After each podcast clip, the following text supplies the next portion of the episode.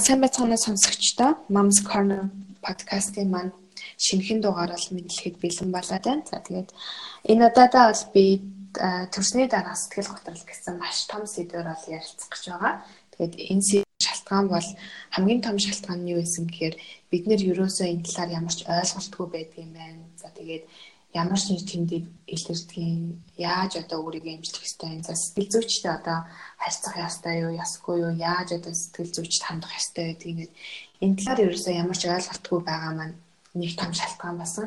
Тэгтэл энэ сэтгэл төрсний дараа сэтгэл готрол маань зөвхөн одоо эхчүүдэд биш бас эрэгтэйчүүд бас бай тулгарч болдгийм байна гэдэг талаар би бас уншсан л да.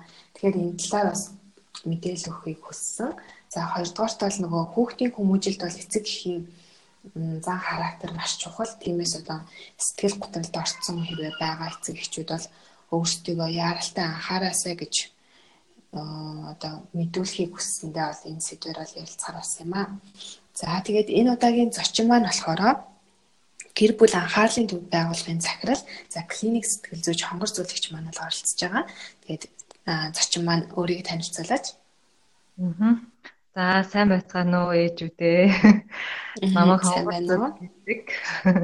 Аа.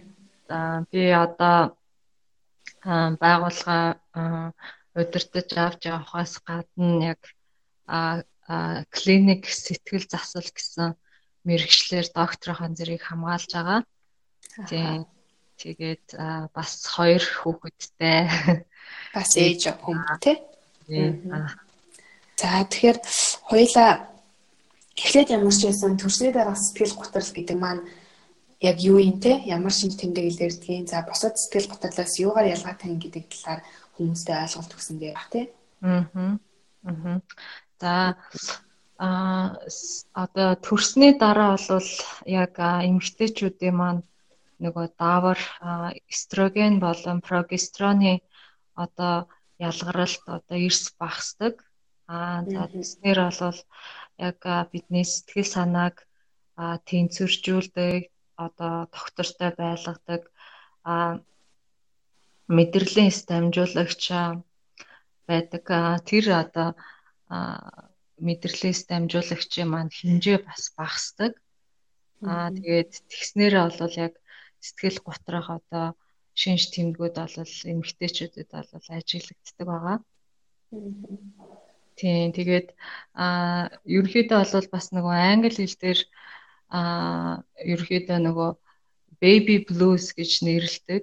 Ерөнхийдөө нөгөө хүүхэд төрсний дараа бол яг энэ дааврын эрс одоо багталтаас шалтгаалаад те одоо серотонин гэдэг одоо мэдрэлийн дамжуулагч байдаг байхгүй юу. Тэгээ серотонин гэдэг одоо мэдрэлийн дамжуулагч маань багаснаар ерөөхдөө нэг юм готронг юм үзэлтэй болчдгоо гэд тэгдэг.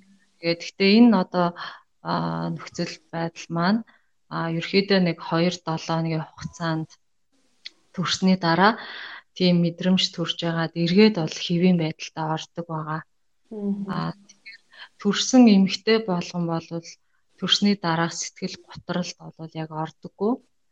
Аа ер нь бол хүмүүс бас их андуурдаг зүгээр нөгөө төр зургийн одоо сэтгэл зүйн хувьд тийм ээ таагүй байх, уйтгарлах, гуниглах а тэр одоо мэдрэмжийг болохоор сэтгэл гутралд орчлоо гэж бодоод байдаг. Гэтэл хүн болгонд сэтгэл гутралын одоо шинж тэмдэг бодоод ажиглагддггүй байгаа. Тэгэхээр энийг нөгөө ялгаж салгаж ойлгох нь чухал.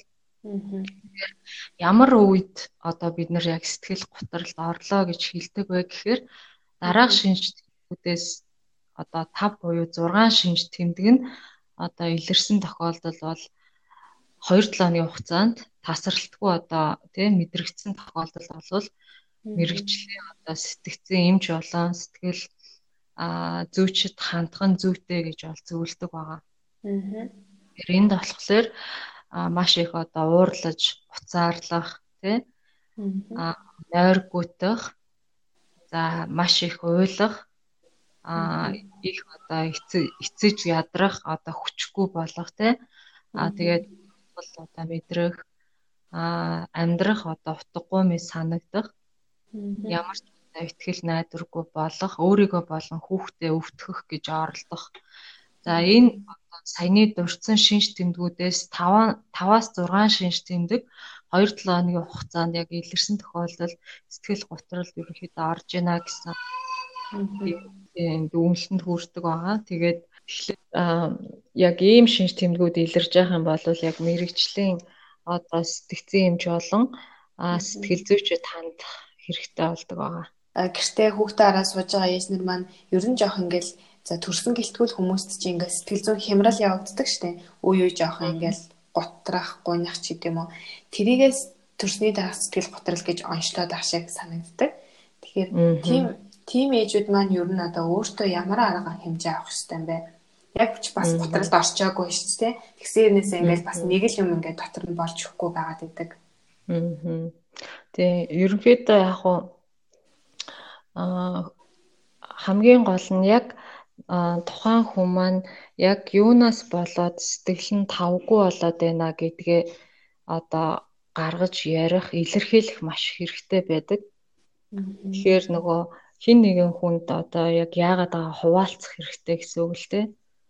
Тэгээ энэ үед болохоор бас яагаад нөгөө ганцаарцсан мэдрэмж төрдөг вэ гэхлээр а юу гэдэг одоо ялангуяа ингээл ажил хийдэг байж байгаа л гівэнттэй декрет аваад тэгэл хийх ажилгүй болоод эсвэл нөгөө хүмүүсийн хүрээлэл байхгүй болоод ирэнгүүт маш их ганцаарцсан юм шиг мэдрэмж төрдөг л дөө.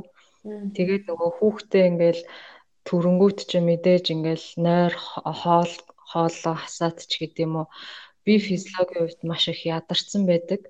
А тийм учраас энтэй холбоотойгоор маш их уурлаж бухимдах те юмд амархан гомдох ч гэдэм үү иймэрхүү одоо шинж тэмдгүүд мэдээж бол илэрнэ. Тэгэхээр хамгийн гол нь яг юунаас болоод те сэтгэл санаа тавгүй байх гэдгээ илэрхийлж гарах нь маш чухал байдаг л та. Нөхөр нь хэрвээ одоо ингээ ярилцаж сураагүй хаалттай хүмүүс яах вэ? Яаж нөхөртөөгөө ярилцаж сурах хэрэгтэй юм бэ?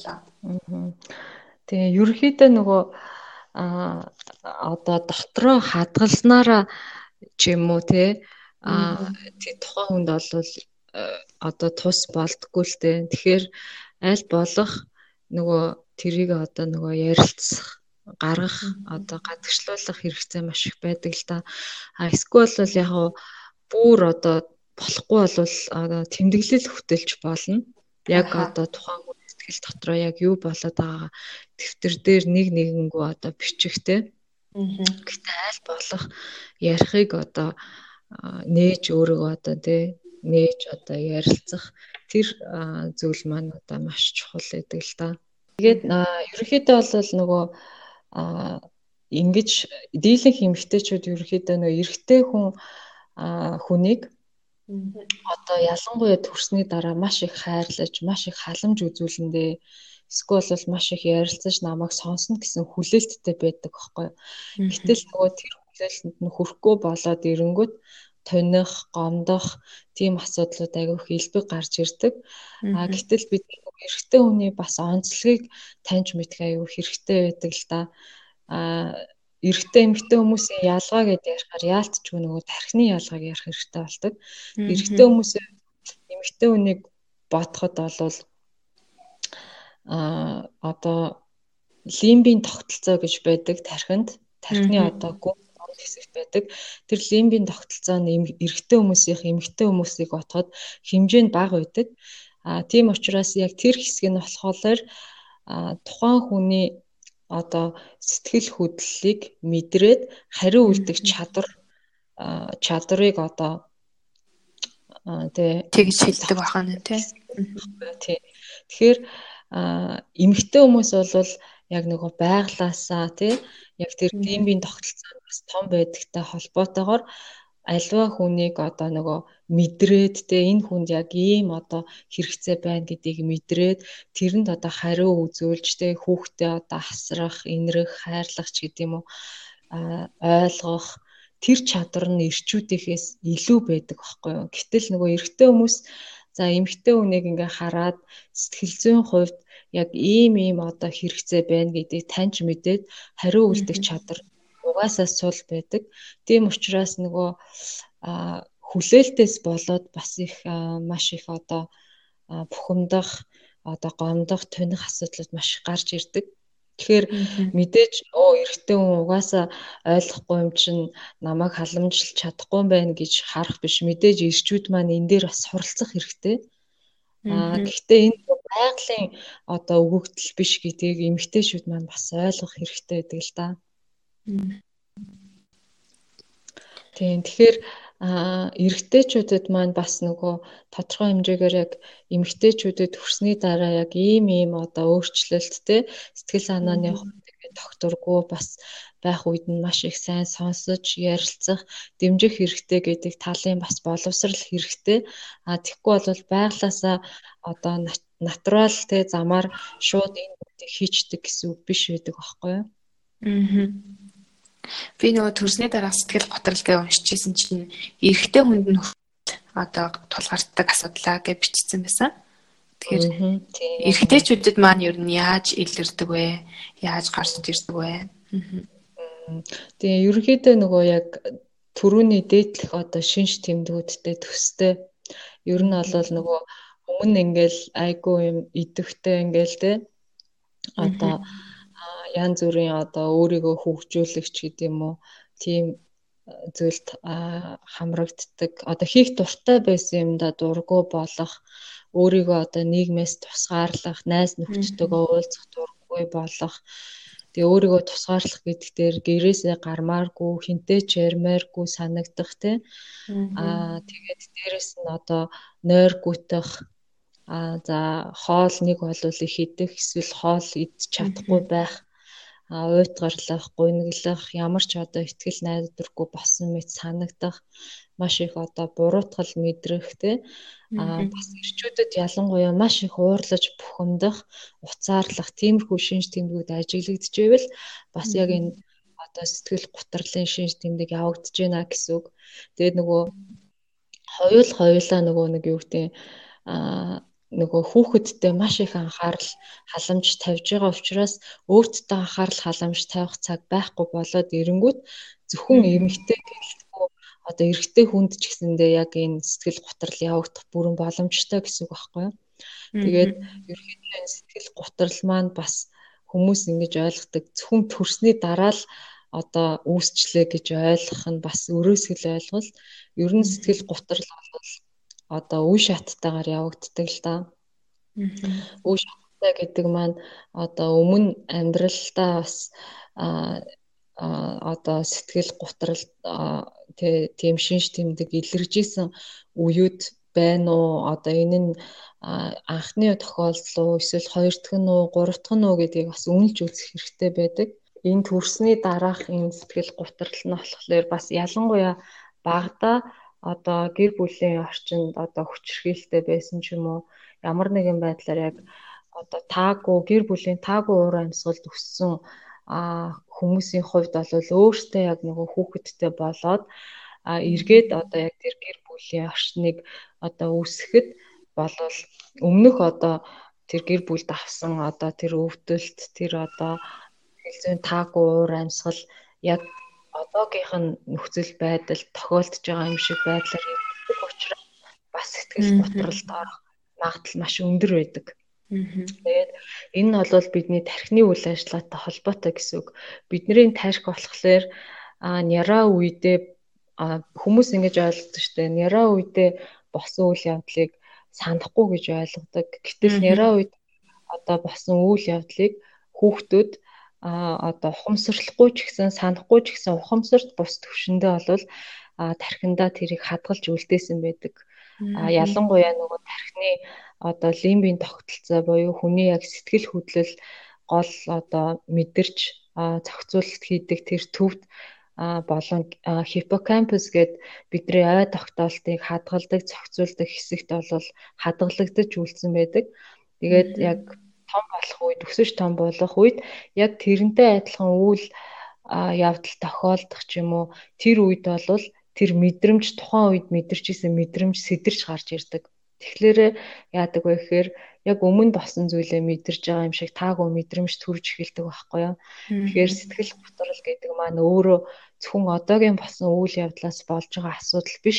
Энэ нь аль одоо өмнө одоо тэр хүний амьдралд тохиолдсон үйл явдал дахид сэтэрч явах боломжтой байдаг учраас энийг бол а одоо тогтоож олоод яг үл үндсийг нь олоод эмчлэх одоо шаардлагатай байд юм аа. Тэгээд дээрэс нь бол сэтгэл заслын одоо эмчилгээнд бол хамрагдах хэрэгтэй байдаг л та. Сэтгэл заслын эмчилгээ гэхээр манайхан чинь ер нь жоохон дотгошоогоо тий сэтгэл зүйчдэр очиод надад яг ийм юм болоод байна гэд яриад явах тийм ерөөсө сэтэл төрдөггүй юм шиг байгаа ямар нэг юм ингээ болоод надад бол болохгүй байгаад байна гэдгийг мэддэг хэрнээсээ яаж гарахаа мэдгүй тий сэтгэл зүйчэд хандах ёстой ч юм уу гүү ч юм уу гэд эргэлзээд идэг тийм хүмүүст хандаж та зөвлөгөө өгөөч. Аа. Яг уу ерөнхийдөө бол зөвхөн Монголд гэлтгүү дэлхийн нийтээр ерөнхийдөө нөгөө сэтгцийн одоо эрүүл мэндэд хандах хандлага бол ер нь бол маш их болохоо байцсан үедээ хүндэрсэн хүмүүс очдог, сэтгэл зүйчэд очдог гэсэн тиймэрхүү ерхий ойлголт байдаг л да.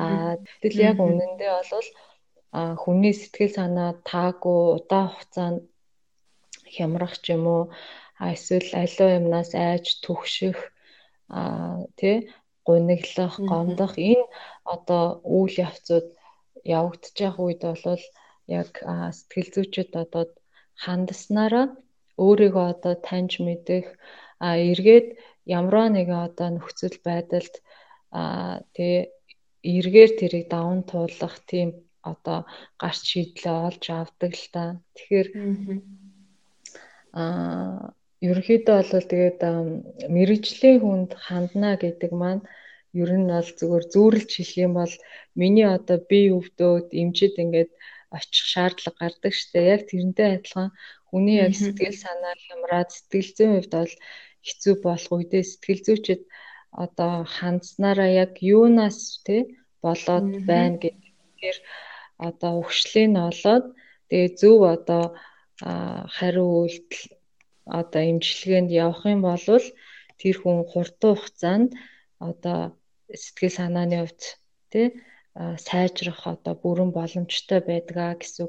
Ер нь бол хүнд альва хүнд өөрчлөлт явагдахын тулд хамгийн ихний шалгуур үзүүлэлт юу вэ гэхээр хүлээн зөвшөөрөх асуудал гэдэг. Хүмүүс дийлхийдээ амьдралд нь ингээд асуудал гараад ирэнгүүт дандаа тэрийг үгүйсгэх хандлагатай а эсвэл бол за ингэж байгаа гайгүй болчихгүй л үү дээ гэж явсаар агаад тэр нь дандаа хүн шатанд төвшөнд хүрээд ирэнгүүт а одоо за одоо л өста хандахгүй болохгүйгээд айгүйх тэгж болол ирдэг. Гэтэл нөгөө яг хүлээн зөвшөөрөөд надад асуудал байна, надад тусламж хэрэгтэй юм байна гэдгийг хүлээн зөвшөөрсөн хүмүүс ер нь бас тэгзэн зөвлөгөөнд ирдэг. Аа тэгээд тийм хүмүүсийн хувьд бол бас эдгэрэх одоо тэр үйл явц нь бол илүү амар хялбар байдгаа гэсэн үг. Тэгээд анхандаа ингээд нөгөө зөвлөгөөн дээр ирж байгаа хүмүүсийг харах юм бол бас за би баг ярих юм байхгүй дээ. Аа одоо асуулт асууж гэдэг юм уу байдлаар аягүй ханддаг л та. Та тэгээд яг ямар асуудлаар хандыг шийдвэ? Яг ямар асуудал байна гэж асууж эхэлдэг ерөнхийдөө. Аа тэгээд хүний асуудлыг сонсоод тухайн хүн илүү их одоо нээлттэй асуултуудыг асуугаад ингээд явж явах үед тухайн хүн маань анх одоо би баг юм ярихгүй байх та гэсэн хүн маань бүр цогцолтгүй 3 цаг одоо ямар ч цогцолтгүй ярьсан тийм үйлчлүүлэгч хүртэл байдаг. Аа үйлчлүүлэгч маань бас эрэгтэй хүмүүс байдаг. Тэгээд ялангуяа эрэгтэй хүмүүс ирчээд за манай ихнэр намайг иргсэн би одоо ярих юм алга алый бараг л юм асуугаатах гэсэн байдлаар хандаад гэтэл эрэгтэй хүмүүстэй адилхан ярих дотроо онгойлох хэрэгцээ эрэгтэй хүмүүст байдаг байхгүй юу? Тэгээд тэгээд яриад ирэхээрээ аа нэрээ энэ сэтгэл зүйн зөвлөгөө чи миний бодож байгаа. Шал өөр юм байна би энэ аюулгүй орчинд те ерөөсөө хинч намайг одоо шүүхгүйгээр хинч намайг буруутгахгүйгээр би яг болж байгаа процесс үйл явцаа нээлттэйгээр ярьж болох юм байна гэсэн тэр мэдрэмжийг аваад а ирэхээрээ ерөөхдөө хүмүүсийн хандлага бас яг өөрчлөгдөж ирдэг. Анх ирснийг бодох юм бол. Тэгээд огт нөгөө ерөөхдөө ярихгүй байна гэсэн. Тийм тохиол ер нь л гарч байгаагүй ер нь Тэгэхээр би нөгөө пэйж дээрээ за ерөнхийдөө төрсний дараа сэтгэл гутралд орсон гэж бодож байгаа ээжүүд маань өөрийнхөө тухай бичээ яваатаач ээ гэд хэлсэн. Тэгэхэд маш их олон ээжээс бол хандлт ирсэн л дээ. Тэгээд тэр дундаас би дөрвийг нь сонгоцсон. Тэгээд тантай бас нөгөө кейс дээр ярилцвал илүү ойлгомжтой болоод ирнэ гэд хоёлаа ярьсан те. Тэгэхээр би уншаад өгчвөө. За тэгдэг. За тэгээ. За эхнийх нь болохоор төрөөд 3 сар болж байгаа. Тэгээд хүүхэд маань уйлж аашилдгүй ч гэсэн би өөрөө л жоохон готраад байх юм аа. Хүүхдээ сайн харж чадахгүй байгаа юм шиг янз янзын бодол эргэлдэж шүнж нойр хүрдэггүй. Тэгээ охиных нь аав нь болохоор жирэмсэн байхад нь орхио явцсан тоодоггүй байсан юм байна л да. Тэгээд удалгүй болохоор хамт байгээд сар гаруй хугацаанд хамт байсан ч гэсэн өөр хүнтэй яваад тэгээд ерөнхийдөө л одоо салцгаасан. Гэхдээ тэр хүнийг ингээд бодохоор ингээд уур нь хүрээд бүр ингээд Э, хүүхдээ э, тэр хүн болохоор шидчихээ шүү, савчээ шүү гэж хэлж ирсэн юм л дээ. Тэгэнгүүт нөгөө мартыг гэсэн чи зөөн хүрээд яаж тэр хүнийг одоо муу явуулах уу гэдэг айгүй ингээд муу бодол дарагдаад байгаа юм байна л та. Тэгээд яаж энэ үеэд авах вэ? Тэгээд хугацаа өнгөрүүл дээрдэх ч гэсэндээ сэтгэл санаагаар уналгүйгээр энэ үеэд аваад гарчмаар байна гэсэн байна. Аа. Аа. Тэгээ энэ кейсэн дээр болохоор яг уу энэ одоо хүн маань ингэж хэлсэн ба штэ сэтгэл санаагаар унахгүйгээр яаж энэ үеэд авмаар байна гэд тэ тий. Энэ дээр би нөгөө гол нөгөө зүгээр өргөлтийн нөгмөр санагдсан. Ерөөхдөө нөгөө энэ кейсэн дээр болохоор аа жоохон хэцүү кейс байгаа. Яагаад гэхэлэр одоо нөхөр нь ингээд нөгөө одоо хаяад явчихсан тий гэтэл одоо өөрөө хүүхэдтэй ингээд үлдэж байгаа тийм одоо нөхцөл байдал байгаа. Тэгээд энэ тохиолдолд бол яг тухайн хүн маань маш их одоо хэцүү сэтгэл санааны хувьд ч гэсэн маш хэцүү байх нь аргагүй. Тэгэхээр энэ одоо сэтгэл санаа маш ихээр унаад ийм одоо үеэ одоо тий ямар ч одоо сэтгэл санаа унахгүйгээр давна гэсэн юм ер нь бол хэцүү. А тэгэхээр энэ одоо талаараа э, ялангуяа болж өгвөл мэрэгжлийн одоо сэтгэл зүйчэд хандаад а энийг сэтгэл санааныхаа байдлыг тэ тайван болгох ч гэдэг юм уу яг тийм алхам хийхгүйгээр а явах нь бол цаашлаад нөгөө өөрт нь болон хүүхдэд бол маш их хор хүнээлттэй байна гэсэн үг л дээ. Аа. Тийм. Тэгэхээр ер нь бол мэрэгжлийн хүнд хандах нь л энэ хүнд бол хамгийн зөв сонголт болж байна тийм. Тийм энэ хүнд энэ одоо кейсэн дээр бол яг тийм байгаа. А хэдийгээр ингээд нөгөө яг хоо ээж нь маш сайн хүн ээжтэйгээ ингээ ойр байдаг ч гэсэндээ яг ээжтэй болж байгаа бүх процесс юу бодож байгаа ямар мэдрэмж төрсөн гэдэг бүх юмаа хуваалцах чадахгүй шүү дээ ер нь бол. Тийм. Гэтэл нөгөө яг энэ одоо болж байгаа бүх үйл явц дотор мэдэрж байгаа мэдрэмж бодол энэ бүх зүйлээ одоо мэрэгжлийн хүнд хандаж ярьснараа тэр хүн илүү их тайвшрах тэр хүн илүү их одоо тий энэ үеэ давж гарахт нь илүү тус төхөн байна гэсэн үг ер нь бол Хоёр дахь кейс нь болохоор нөхөртөөгөө суугаад 1 жил болж байгаа. Хүн 7 сартай анхны хүүхэд юм байна. Тэгээ нөхөр нь болохоор сурахаар гадагшаа явчихсан. Тэгээ хадам аав ээжтэйгээ амьдардаг ийм хүн байгаа юм байна. Тэгээд э, анхны хүүхэд болохоор ер нь нэлээд туршлагагүй тэгээд өөртөө цаг зав гаргаж чадахгүй байгаадаа нэлээд стресстэй. Тэгээ нөхөр нь ч өөрөө ер нь бол явцсан байгаа хэрнээсээ одоо их нэртэй санаж ийн гэж хэлдэггүй зөвхөн хүүхдээ л яаж ийн гэж асуудаг гэд тэрэнд нь нэлээд жоохон эмзэглээд байгаа юм байна. Тэгээд өмнө нь ингэж бол готролд орж байгаагүй. Тэгээд декретээ аваад хадминдаа амьдарч ихснээс хойш ер нь бачимдаж ихсэн. Тэгээд тустай амьдрыг гэхээр нөхөр нь ерөнхийдөө нөө айлын баг учраас гал голомтоо сахиж аав ээжиндээ эхнэр хүүхдээ байлгаж байгаа хожуу хүнтэй суусан. Тэгээд гинет гэртээ хүүхдээ харах босно бас энд нөлөөлж явах шиг байна. Энд дээр дандаа төрүүлж уурладаг, намайг уурлахаар зүгээр болоод ханаа гээд явцдаг. Тэгээд би мартаад уур, уучлаад уур гарчихдаг. Гэтэ хүн нэг зөөлөн хүн байгаамаа. Би нөхөртөөгөө цаашид яаж харилцах вэ? Байнга л гомдлоод, гоншгоноод байх уу? Эсвэл бүр тоохгүй байх уу? Тоохгүй бай гэхээр чадахгүй тэр хүнийг өөрчлөхгүй гэд яавал дэвэ гэд асууж байна. Тэгэхээр энэ хүний хувьд болохоор ингэсэн маш тэ нөгөө нөхрөөсөө хол идэг. Аа тэгээд аа энэ нөхрөөсөө болохоор сайхан үг а тайвшруулсан үг эсвэл санаж байна гэсэн үг ерөөсөө сонсдгоо. Тэгээд ерөнхийдөө бол анхаарал хадамж айгу муу байдаг. А хадам аав ээжтэйгээ амьдардаг. Тэгээ хүүхэдтэйгээ өдөржин зуралддаг гэсэн гол одоо санаанууд нь ерөнхийдөө энэ байгаа юу? Аха. Тэгэхээр а яг үнэхээр яг нөгөө мэдээжийн хэрэг одоо нөгөө хамгийн чухал тий хэрэгтэй одоо ойлгож дэмжиж туслах яг үе дээр нь одоо нөхөр нь хажууд нь байхгүй тохиолдолд үнэхээр яг ийм хэцүү нөхцөл байдалд байгаа одоо эмгтэй байгаа байхгүй тий.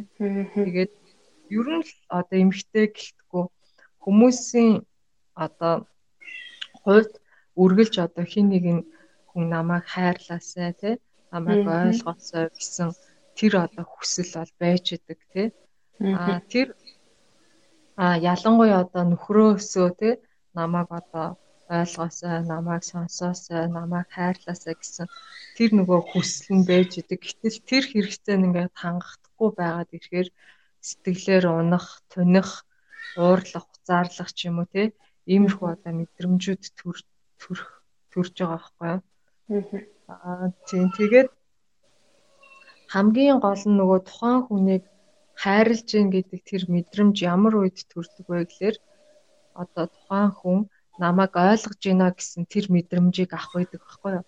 Тэгэхээр тэр ойлгож байна гэдэг мэдрэмж нь а одоо ямар үед үүсдэг вэ гэхээр хин нэгэн хүн намайг яг сонсох үед үүсдэг. Тэгэхээр нөгөө нэг тэр хүний чинь хувьд нөгөө өөрийнхөө болж байгаа бүх юмэгтэй ингээд сайхан яриад одоо тэгэнгүүт нөгөө нэг талаас нөгөөдгийг чинь сонсож хүлээж аваад тайвшруулах энэ хэрэгцээ нь юу н хангахдахгүй байна гэсэн үг байхгүй юу. Тийм учраас нөгөө сэтгэл санаагаар унах те а дээрэс нь нөгөө хадам аав ээжтэйгээ хамт амьдарч байгаа болохоор хүн хизээч нөгөө өөрийнхөө байж чадахгүй. Аа тэгээд тодорхой хэмжээгээр нөгөө аав хадам аав ээж нь одоо сайн хүмүүс байгаад хэдийгээр хамгийн сайнаар хичээсэн ч гэсэн тухайн хүмүүсийн одоо нөгөө үйлдэл нь ч юм уу те аа өвгөн бус одоо хилэмжээрээ нэг жоохон л одоо те эвгүй ч юм уу те тийм одоо өөрийг нь буруутгасан юм уу эсвэл өөрийг нь шүүмжилсэн тиймэрхүү мессежийг өгөхөд л одоо сэтгэлээр унах бас нэг боломж бүрдчихдэг байхгүй юу. Тэгэхээр аа ерөөхдөө бол нөгөө маш одоо ийм хэцүү бас нөхцөл байдал байна л да. Тэгээ дээрэс нь бас нөгөө өдөржингөө хүүхдтэйгээ зуралддаг гэхээр өөрт нь одоо тусалж байгаа тийм хүн байхгүй байгаа юм шиг санагдаж байна. Өөртөө бас цаг гаргахгүй тий.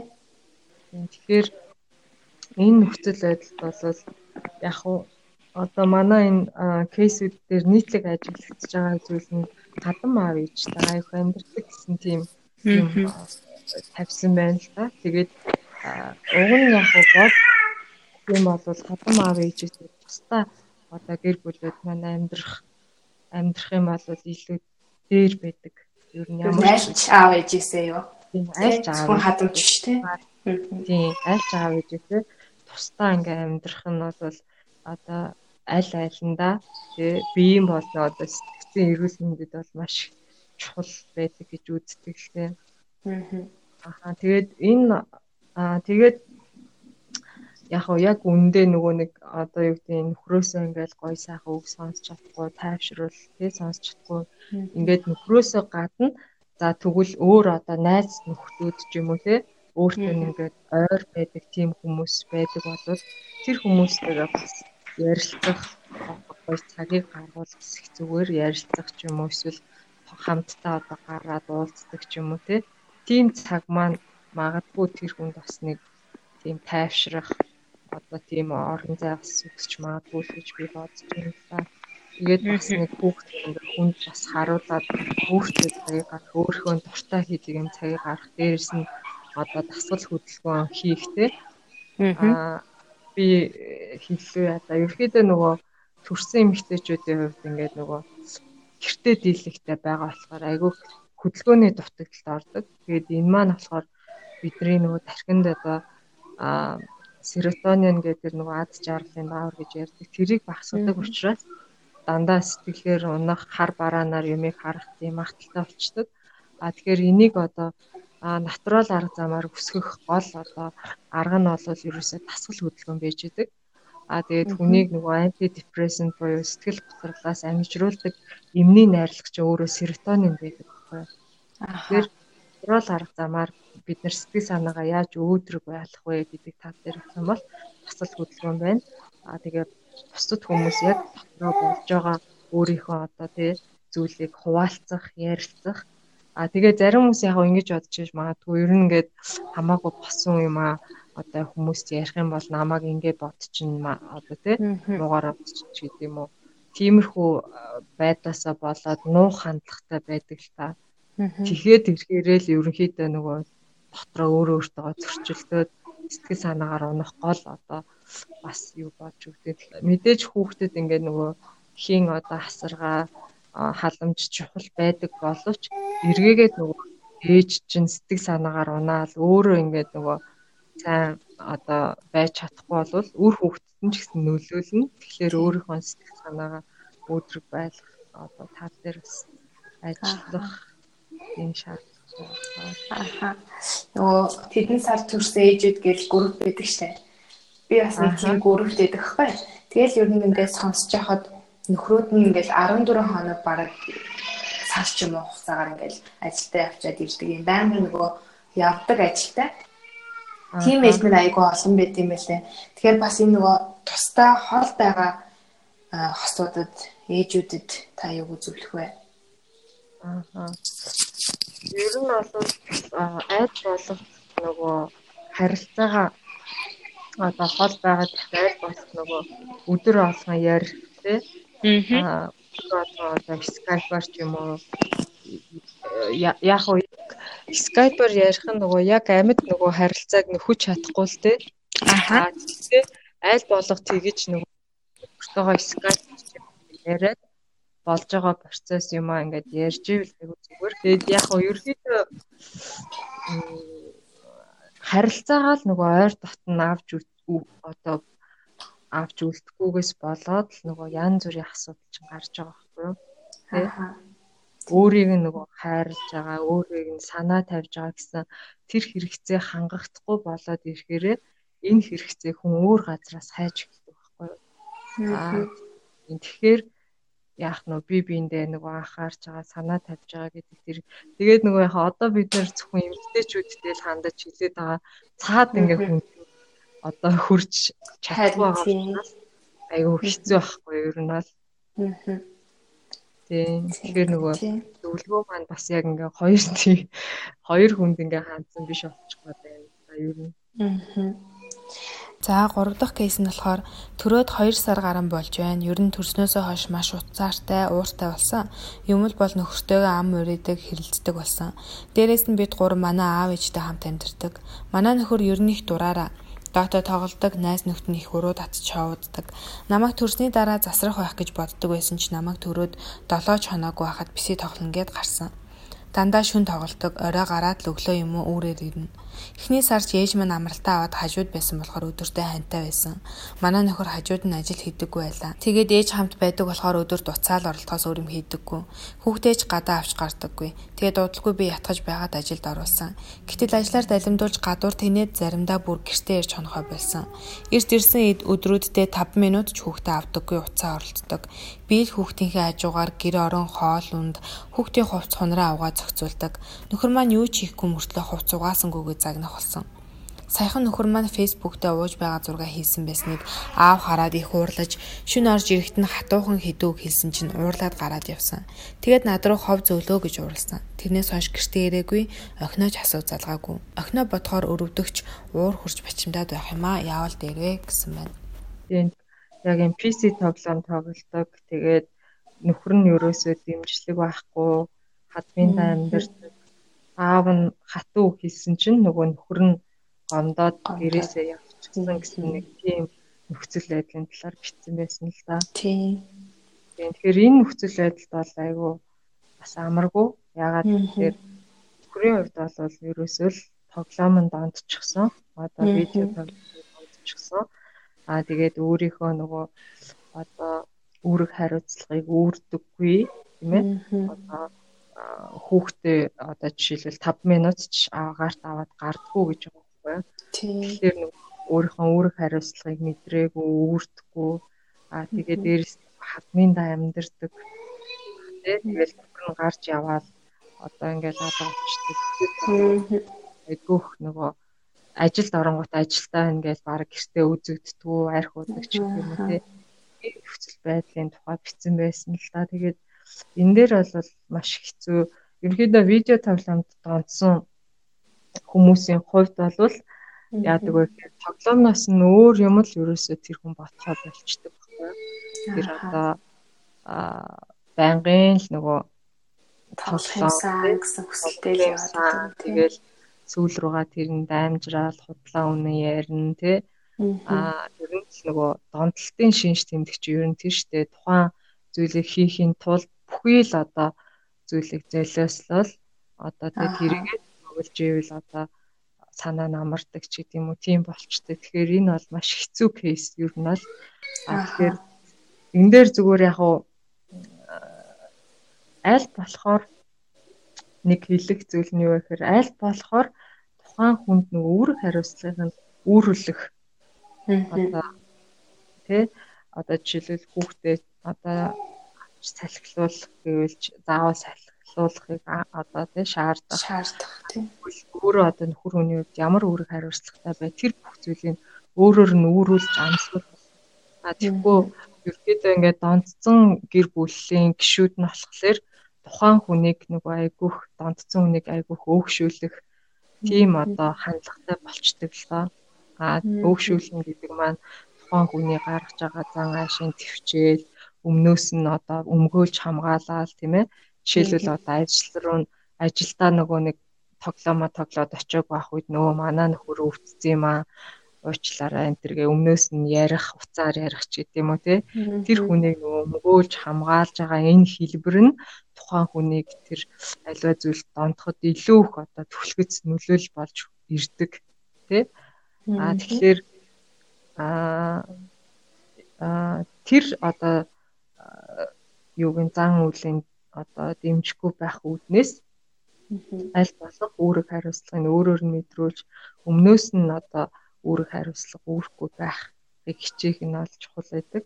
Ерөнхийдөө яг нөгөө Монгол гэр бүлүүдэд ажиглагдчихж байгаа нийтлэг зүйл юу байдаг вэ гэхэлэр ер нь сэтгэл санааны хувьд аав ээжээсээ дандаа хамааралтай тийм нөхцөл байдал байдаг байхгүй. Тэгэхээр нөгөө тухайн гэр бүлийн асуудал нь өөрийнх нь нөгөө гэр бүл дотор шийдэгддэг дандаа тэрнээс хайлаж одоо өөрийнхөө аав ээжтэй хэлээл эсвэл нөгөө хадам аав ээжтэй оролцуулангуудаа ингээл нэг гэр бүлийн биш бүр ингээд бүлэг хүмүүсийн бараг маргаан одоо асуудал болоод тэрийг шийтгэхэд улам төвөгтэй болчдөг. Тэгэхээр нөгөө бидаа нь одоо сэтгэл санааны хувьд бидаасан гэр бүл байна гэж юу хэлээд байгаа юм бэ гэхээр ямар ч үед асууд маань өөрсдөө бие биенийхээ асуудлыг шийддэг. Бие биенийгаа гэр бүлээсээ нэгдүгээрт тавьдаг.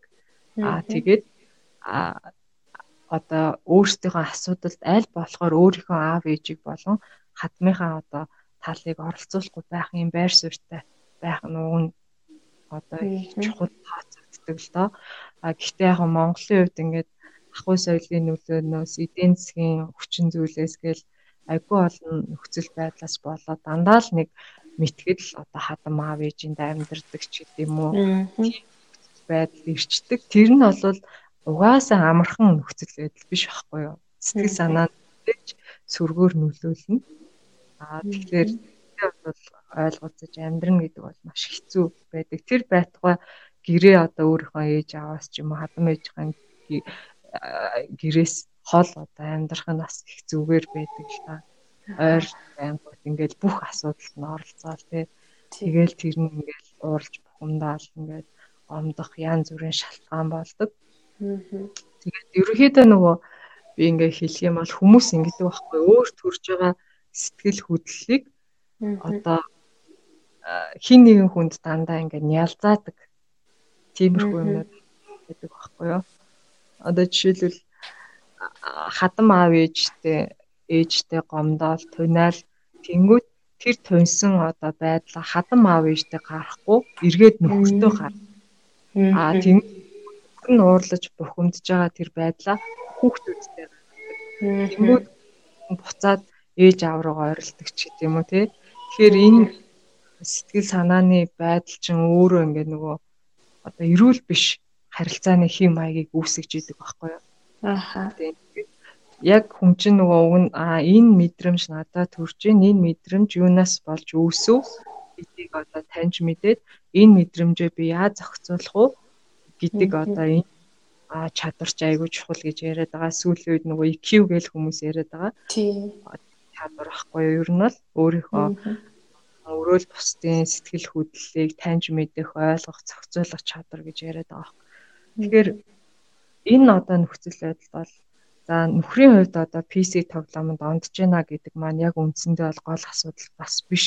А энэ нь цаанаа нөхрийн хувьд сэтгэл санааны хувьд хямралтай байгаа учраас тэрнийгээ одоо зохицуулах нэг арга хэлбэр болгож байна гэсэн. Тэгэхээр сэтгэл зүйн хувьд бас ямар нэгэн байдлаар асуудал байгаа учраас онц байна гэсэн. Тэгэхээр ер нь бол аа хоёр л арга зам байна. Нэг бол бүр ингээд донцсон хүмүүс чи яадаг вэ гэхээр бүр ингээд тартагтаа тулаад ирэхээрээ бүх зүйлээ алдаад ирэхээрээ ойлгоно.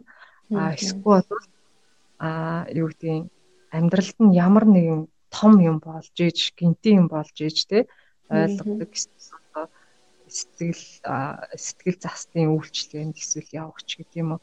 Донтцсон хүмүүсийн хамгийн том асуудал юу гэдэг вэ гэхээр өөрийгөө донтцсон гэдгийг хүлээн зөвшөөрдөг. Баян үгүйсгэл учраас за ингээд чи асуудалтай байна зөвлөгөөнд ханд гэхээр ерөөсөө ирдэг байхгүй. Аа тэгэхээр өөрсдөө болж гин бүтэж гин гэж бодож идэг. Тийм байна. Юм хийсэн. Аа та юу гэж бодож байна? Би болохоор одоо хадам аав ээжиндээ эсвэл за өөрийн аав ээжиндээ амьдардаг хосууд маань одоо ямар ч байсан гэдэг нөгөө байр түрээслээд ч юм уу тусдаа гараад амьдрах юм бод эргээд нөхрийн хариуцлага нэмэгдэнэ эргээд гэр бүлийн асуудал зөвхөн ингээд тоогоон дотроо болно гэж миний хувьд бол хараад байна. Та юу гэж бодож байна? Яг л ер нь тийм гэсэн. Аа. Тийм. Тэгэхгүй бол бүх юмнаас хамааралтай болчоод ирэнгүүт яг өөрийн хувийн гэр бүлийн одоо тий гэсэн юм байхад бүх юм нь холтой авчдаг тий. Аха. Нөгөө эмэгтэйчүүд маань за түрээсийн байр гэхээр айгүй их мөнгөний ингээл хэрэг болно. За тэгж яхаар ингээл амьдарч ийгээ бодож иж магадгүй тий. Энэ нь эргээд нөхөрт нь нөхрийнх нь одоо хариуцлагыг нэмэх нэг хүчин зүйл болж өгч чадах уу? Тийм нөгөө нэг айдастай л байдаг бах л да. Одоо мөнгө хүрч гэдэг юм уу тий. Тэндээ байж хагаад ингээд юу аа гээд хамгийн гол нь нөгөө нэг тухайн хүнийг одоо стресс сэтгэл готрал төгшүүртэй болох ч юм уу энэ асуудалтай болоход гол нөлөөлдөг юм бол эдийн засгийн асуудал биш байхгүй юу? Ер нь бол яг стресс болж стресс гэж болно. А гэхдээ тухайн хүнийг хамгийн их сэтгэлээр унгаадаг зүйл бодвол юу байдаг вэ гэхээр хин нэг нь одоо хаягдсан, гологдсон гэсэн тэр мэдрэмж үүдэг.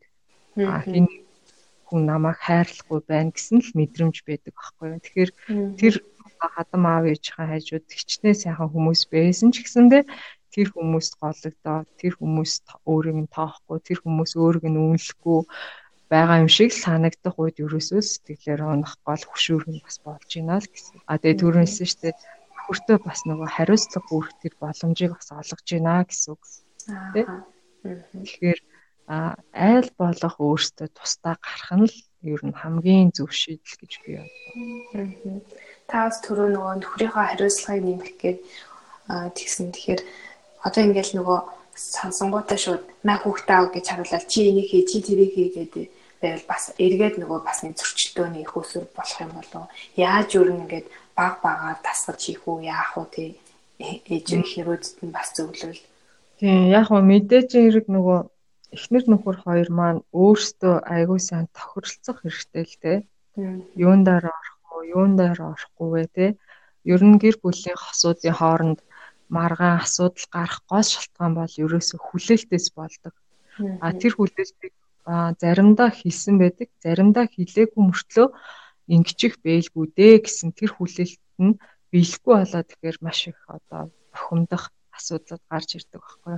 Тэгэхээр тэр хүлээлт нь хаанаас гарч ирдэг вэ гэхээр өөрийнх нь одоо гэр бүлийн орчин ямар байсан, аав ээж нь яадаг байсан гэдгээрэл за миний эхнэр яг линк бах гэл тэнгүүд тэр одоо хүлээлтэнд хүрэхгүй болохоор ирэхээрээ туних одоо гондох асуудлууд гарч ирдэг. Тэгэхээр өөрсдөө нөгөө энэ хүлээлтүүдээ маш одоо ил болгоод тий ярилцаад ойлголцоод аа намайг одоо баг байхад манай аав ээж ингэдэг байсан. Одоо тий манай ээж ингээд надад ингээд цай өгдөг өө би хоол аяглах дургүй чи надад аягалж өгвөл яасан юм бэ ч гэдэг юм уу те? Эсвэл манай гэдэг байсан хоёлоо хүүхдээ ингээд чи ингээд ядарч ирсэн ч гэсэндээ чи тодорхой хэмжээгээр амарсныхаа дараа чи хүүхдүүдтэй байгаа тоглоцсон гарвал бас надад бас туслахаар байна ч гэдэг юм уу те өөрсдөө тэр яг юу хүсээд байна гэдэг тэр одоо хүсэлт тэр хүлээлтээ маш сайн тодорхой болгоод хоёлоо ойлгогдсон тохиолдолд тэрийгэ биелүүлэх гэж хоёр талаасаа хичээх хэрэгтэй л болно шүү дээ тий. Аа дөрөв дэх кейс нь болохоор миний хувьд сургууль төгсөөд шууд намран жирэмсэн гэдгээ мэдээд бэр гуйлгаад юу юу болов уу нэг гэрт хадмында амьдарч эхэлсэн сэтгэл гутралд сүүлдээ зүрхэндээ уучлахгүй байх тийм хөндөй байдалд хүрсэн. Бас ямар ч ажлын туршлага чаддаг зүйл байхгүй маань гутралд оруулж байсан. Нөхөртөөгөө угаасаа үр дүнтэй ярилцдаггүй болохоор найзтайгаа санаа тавиасаа гэж хүлээн. Одоо гэхдээ тэгж хүлээхэй болсон. Би нийгмээс тусгаарлагдаж хоцроод ганцаараа хөгжихгүй байгаа мэт санагддаг. Хаа очиж нөхөр маань хүүхдийн асуудлыг хамт шийдэж, хамт гар бие оролцдог болохоор асуудал бусдыг бодвол гайгүй боловч мэдрэмжгүй хэллэг нь үнэхээр бухимдуулдаг. Би сүүлийн 4 жилд үнэхээр аашны тулан болсон. Сүүлдээ өөрийгөө ч гайхаж үүндээ бас гутардаг. Огцом огцом гинэт гинэт уур хүрнэ. Юм шидмээр санагдах хүүхдүүдтэй уураа гаргах нь юутай холбоотой байдаг вэ? Бүр үнэхээр болохгүй шүү дээ гэж бодоод амжиж байгаа хэрнээл дараа нь харамсгаар үйлдэл хийчихсэн байдаг. Сүүлдээ сэтгц мэдрэлийн тасаг твтд юм уу ч гэж бодох болсон. Одоо би яавал дээрвэ? Та юу зөвлөгөө өгөх вэ? Энэ дээр бас гол юм гэсэн байгаа нөхөртөөгөө ярилцаж чаддаггүй. Аа мэдгүй үг хэлдэг. Аха. Тэгээд ямар ч ажлын туршлага байхгүй болохоор өөртөө итгэхгүй болоод. Тэгэхээр энэ кейсээр яг гоо ерөөхдөө нөгөө өөртөө итгэлгүй болсон гэсэн энэ хэсэг нь миний анхаарлыг айгуу татсан байхгүй юу? Аа.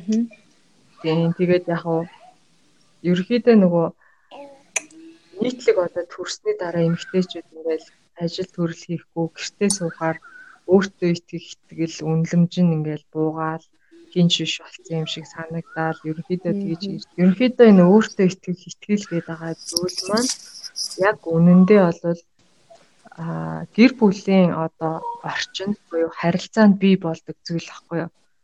Одоо жишээ нь бол аав ээж нь хүүхэдтэй ямар ч нөхцөл байдалд хайртай шүү гэдэг тэр мэдрэмжийг өгч исэн бол тэр хүний өөртөө итгэл үнэлэмж нь бол өндөр байдаг. Аа тэгхгүйгээр яг тийм мэдрэмж авч өсөөгүй хүмүүс болохоор одоо нэг сайхан ажил хийчих юм бол ч юм уу те а мөнгөтэй болчих юм бол ч юм уу Эсвэл гоё сайхан хөөрхөн болчих юм бол хүмүүс нам надад илүү тэ та одоо би хүмүүс таалагдана хүмүүс намайг гин хүмүүс одоо надад илүү хайртай болно ч гэдэг юм уу тийм бодыг өх явж идэг. Тэгэхээр тухайн хүний хувьд нөгөө одоо юу гэдэг нөгөө ажил төрөл өөрөө юм уу? Тий өөрийнх нь үнсэмж нь нэмэгддэг хүмүүсийн хувьд бол гэртээ ингээд суугаад тэнч биш болж байгаа юм шиг санагдах үед яг үндэ бол ерөөсөө хүмүүс тоогтгоо болоод тэнч үнэлэхгүй байгаа юм шиг мэдрэмж төрөөд улам хэцүү тийм мэдрэмж боломжтой магадaltaй.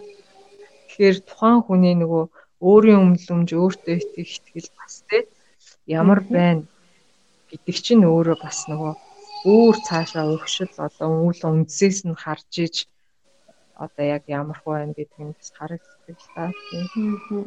Нөхөртөөгөө бас ярилцаж чаддгүй. Тэгэхээр ерөнхийдөө л нөгөө ярилцаж чадахгүй байна гэдэг чинь л ойлгож чадахгүй а намайг хайрлахгүй байна гэсэн мэдрэмж л төрөөд байна гэсэн үг. А эмэгтэйчүүдэд маань ерөөсөө нийтлэг сэтгэл санааг нь илүү тайван сэтгэл санааг нь өөдрөг байлгадаг гол зүйл юу байдаг вэ гэхээр нөхөр нь одоо өөрийг нь те сонсож ойлгох явдал байдаг байхгүй. А тэгэхээр тэгж чадахгүй ингээл байнгын маргаантай ч юм уу, байнгын хэрүүлтэй ч юм уу эсвэл ингээ ерөөсөө ярихаараа л буруутгагддаг, шүмжлэгддэг ингээл тийм харилцаан донд нөгөө нэг нөхөр нь намайг хайрлахгүй байна гэсэн мэдрэмжтэй хүмүүс шууд өөрийнх нь үнлэмжинд бас нөлөөлдөг. Ааха. Бологдсон юм шиг санагдаал тий. Нөхөр нь намайг ингээд байн өглөөл намайг ингээд байгаар нь хүлээж авахгүй байгаа юм шиг санагдангууд нөгөө юм чинь бас сэтгэл санаагаар ундаг. Тэгэхээр нөгөө хүний гол үнэлэмжинд нөлөөлдөг зүйл чинь нөгөө харилцаа гэж хэлээд байгаа шүү дээ. Ааха. Өрөнд дулаан тэр хайр, хайрын харилцаатай тийм одоо гэр бүл тухайн хүний өөртөө итгэл үнэлэмж нь ямагт өсч идэг. А тийм харилцаа байхгүй болоод ирэнгүүт хүн өөртөө итгэхэ болол өөртөө өөртөө байнга дуурдаг. Ягаад тэгэхээр би хайрлагдаагүй гэдэг тэр мэдрэмж нь яадаг вэ гэхээр өө би хайр авах зохистой нэг юм биш байна. Би хангалтгүй юм. Ааха. Би болгоцсон учраас би ийм байгаа юм байна. Эргээд нөгөө өөрийгөө айгүйх буруутгаж хүлээж авдаг байхгүй юу? Ааха. Энэ хүн маань тэгээд нөгөө өөртөө ихтгэлгүй байгаа гэдэг. Одоо ингээл эргээд ажилд орё гэл тэгэхээр бас нөгөө нэг өөртөө ихтгэлгүй зан нөлөөлөл бас хойшлох нэг хандлага болоод болов гэж бодоод байна л та. Тэгэхээр яг тэр айцаа яаж давж гарвал зүгээр юм бол? Аа энэ хүний хувьд бас сэтгэл зүйчд бас хандвал бас зүгээр болов гэж би бодож байна л да. Аа яг өөртөө ихтгэлгүй болгож байгаа хүчин зүйл юу байна те? Цаашаа энэ яаж анхаарах уу? Энэ төр гэдэг тал дээр бас зөвлөгөө авах зүгээр юм болов гэж би бодож байна. Тэгээд ааха. За хоёлаа сая дөрвөн кейс дээр ярьсан. Энэ дөрвөн кейс маань өөрөө яг төрсний дараа сэтгэл готрол мөн үү? ер нь кейсүүдийн алин дээр нь ч одоо яг сэтгэл гутралд орсон гэсэн шинж тэмдгүүд бол ер нь бол ажиглагдаагүй. Гэхдээ хамгийн ихний кейсэн дээр бол ер нь бол жоохон хүнд тал руугаа одоо бэс санагдсан надаа. Аа гэхдээ яг бүр сэтгэл гутралд орсон уу гэхээр ороогүй.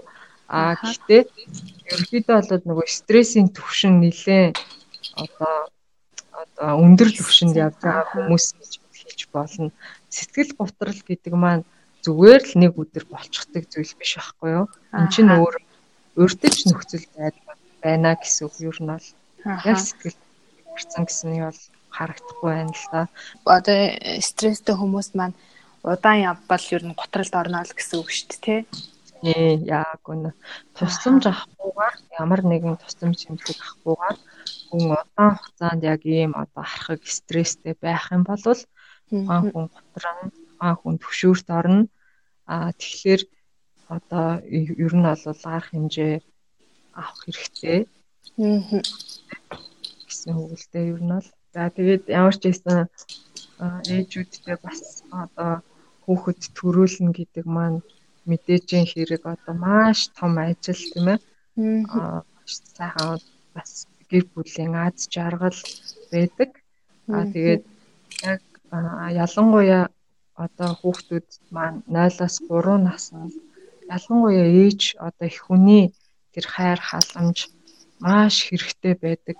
Ялангуяа хүүхдийн сэтгэл зүйн хөгжил а эд явагддаг үе байдаг учраас энэ үеийг тийм ээ одоо маш сайн одоо давж туулах нь бол чухал байд юм аа. Тийм болохоор энэ тал дээрээ бас анхаарад авах юм бол аа ирээдүйд ялангуяа өөр хүүхдүүдийнхаа одоо сэтгцийн эмгэг дээр тий маш том одоо чухал зүйлийг тий хийж байна гэсэн үг. Энэ тийм учраас яг зөвхөн эхнэр хүн гэлтгүй нөхөр хүн хоёулаа энэ үеийг тий хоёулаа авч гарах ёстой л нэг үе.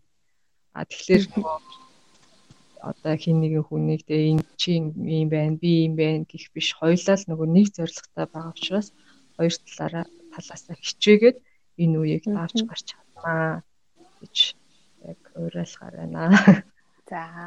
За тэгэхээр миний урилгыг хүлээн авсан манай ээжүүд маань гой зөвлөгөө өгсөн танд маш их баярлалаа. Аа. За. За баяртай. Дараагийн дугаараар эргээд уулзъя.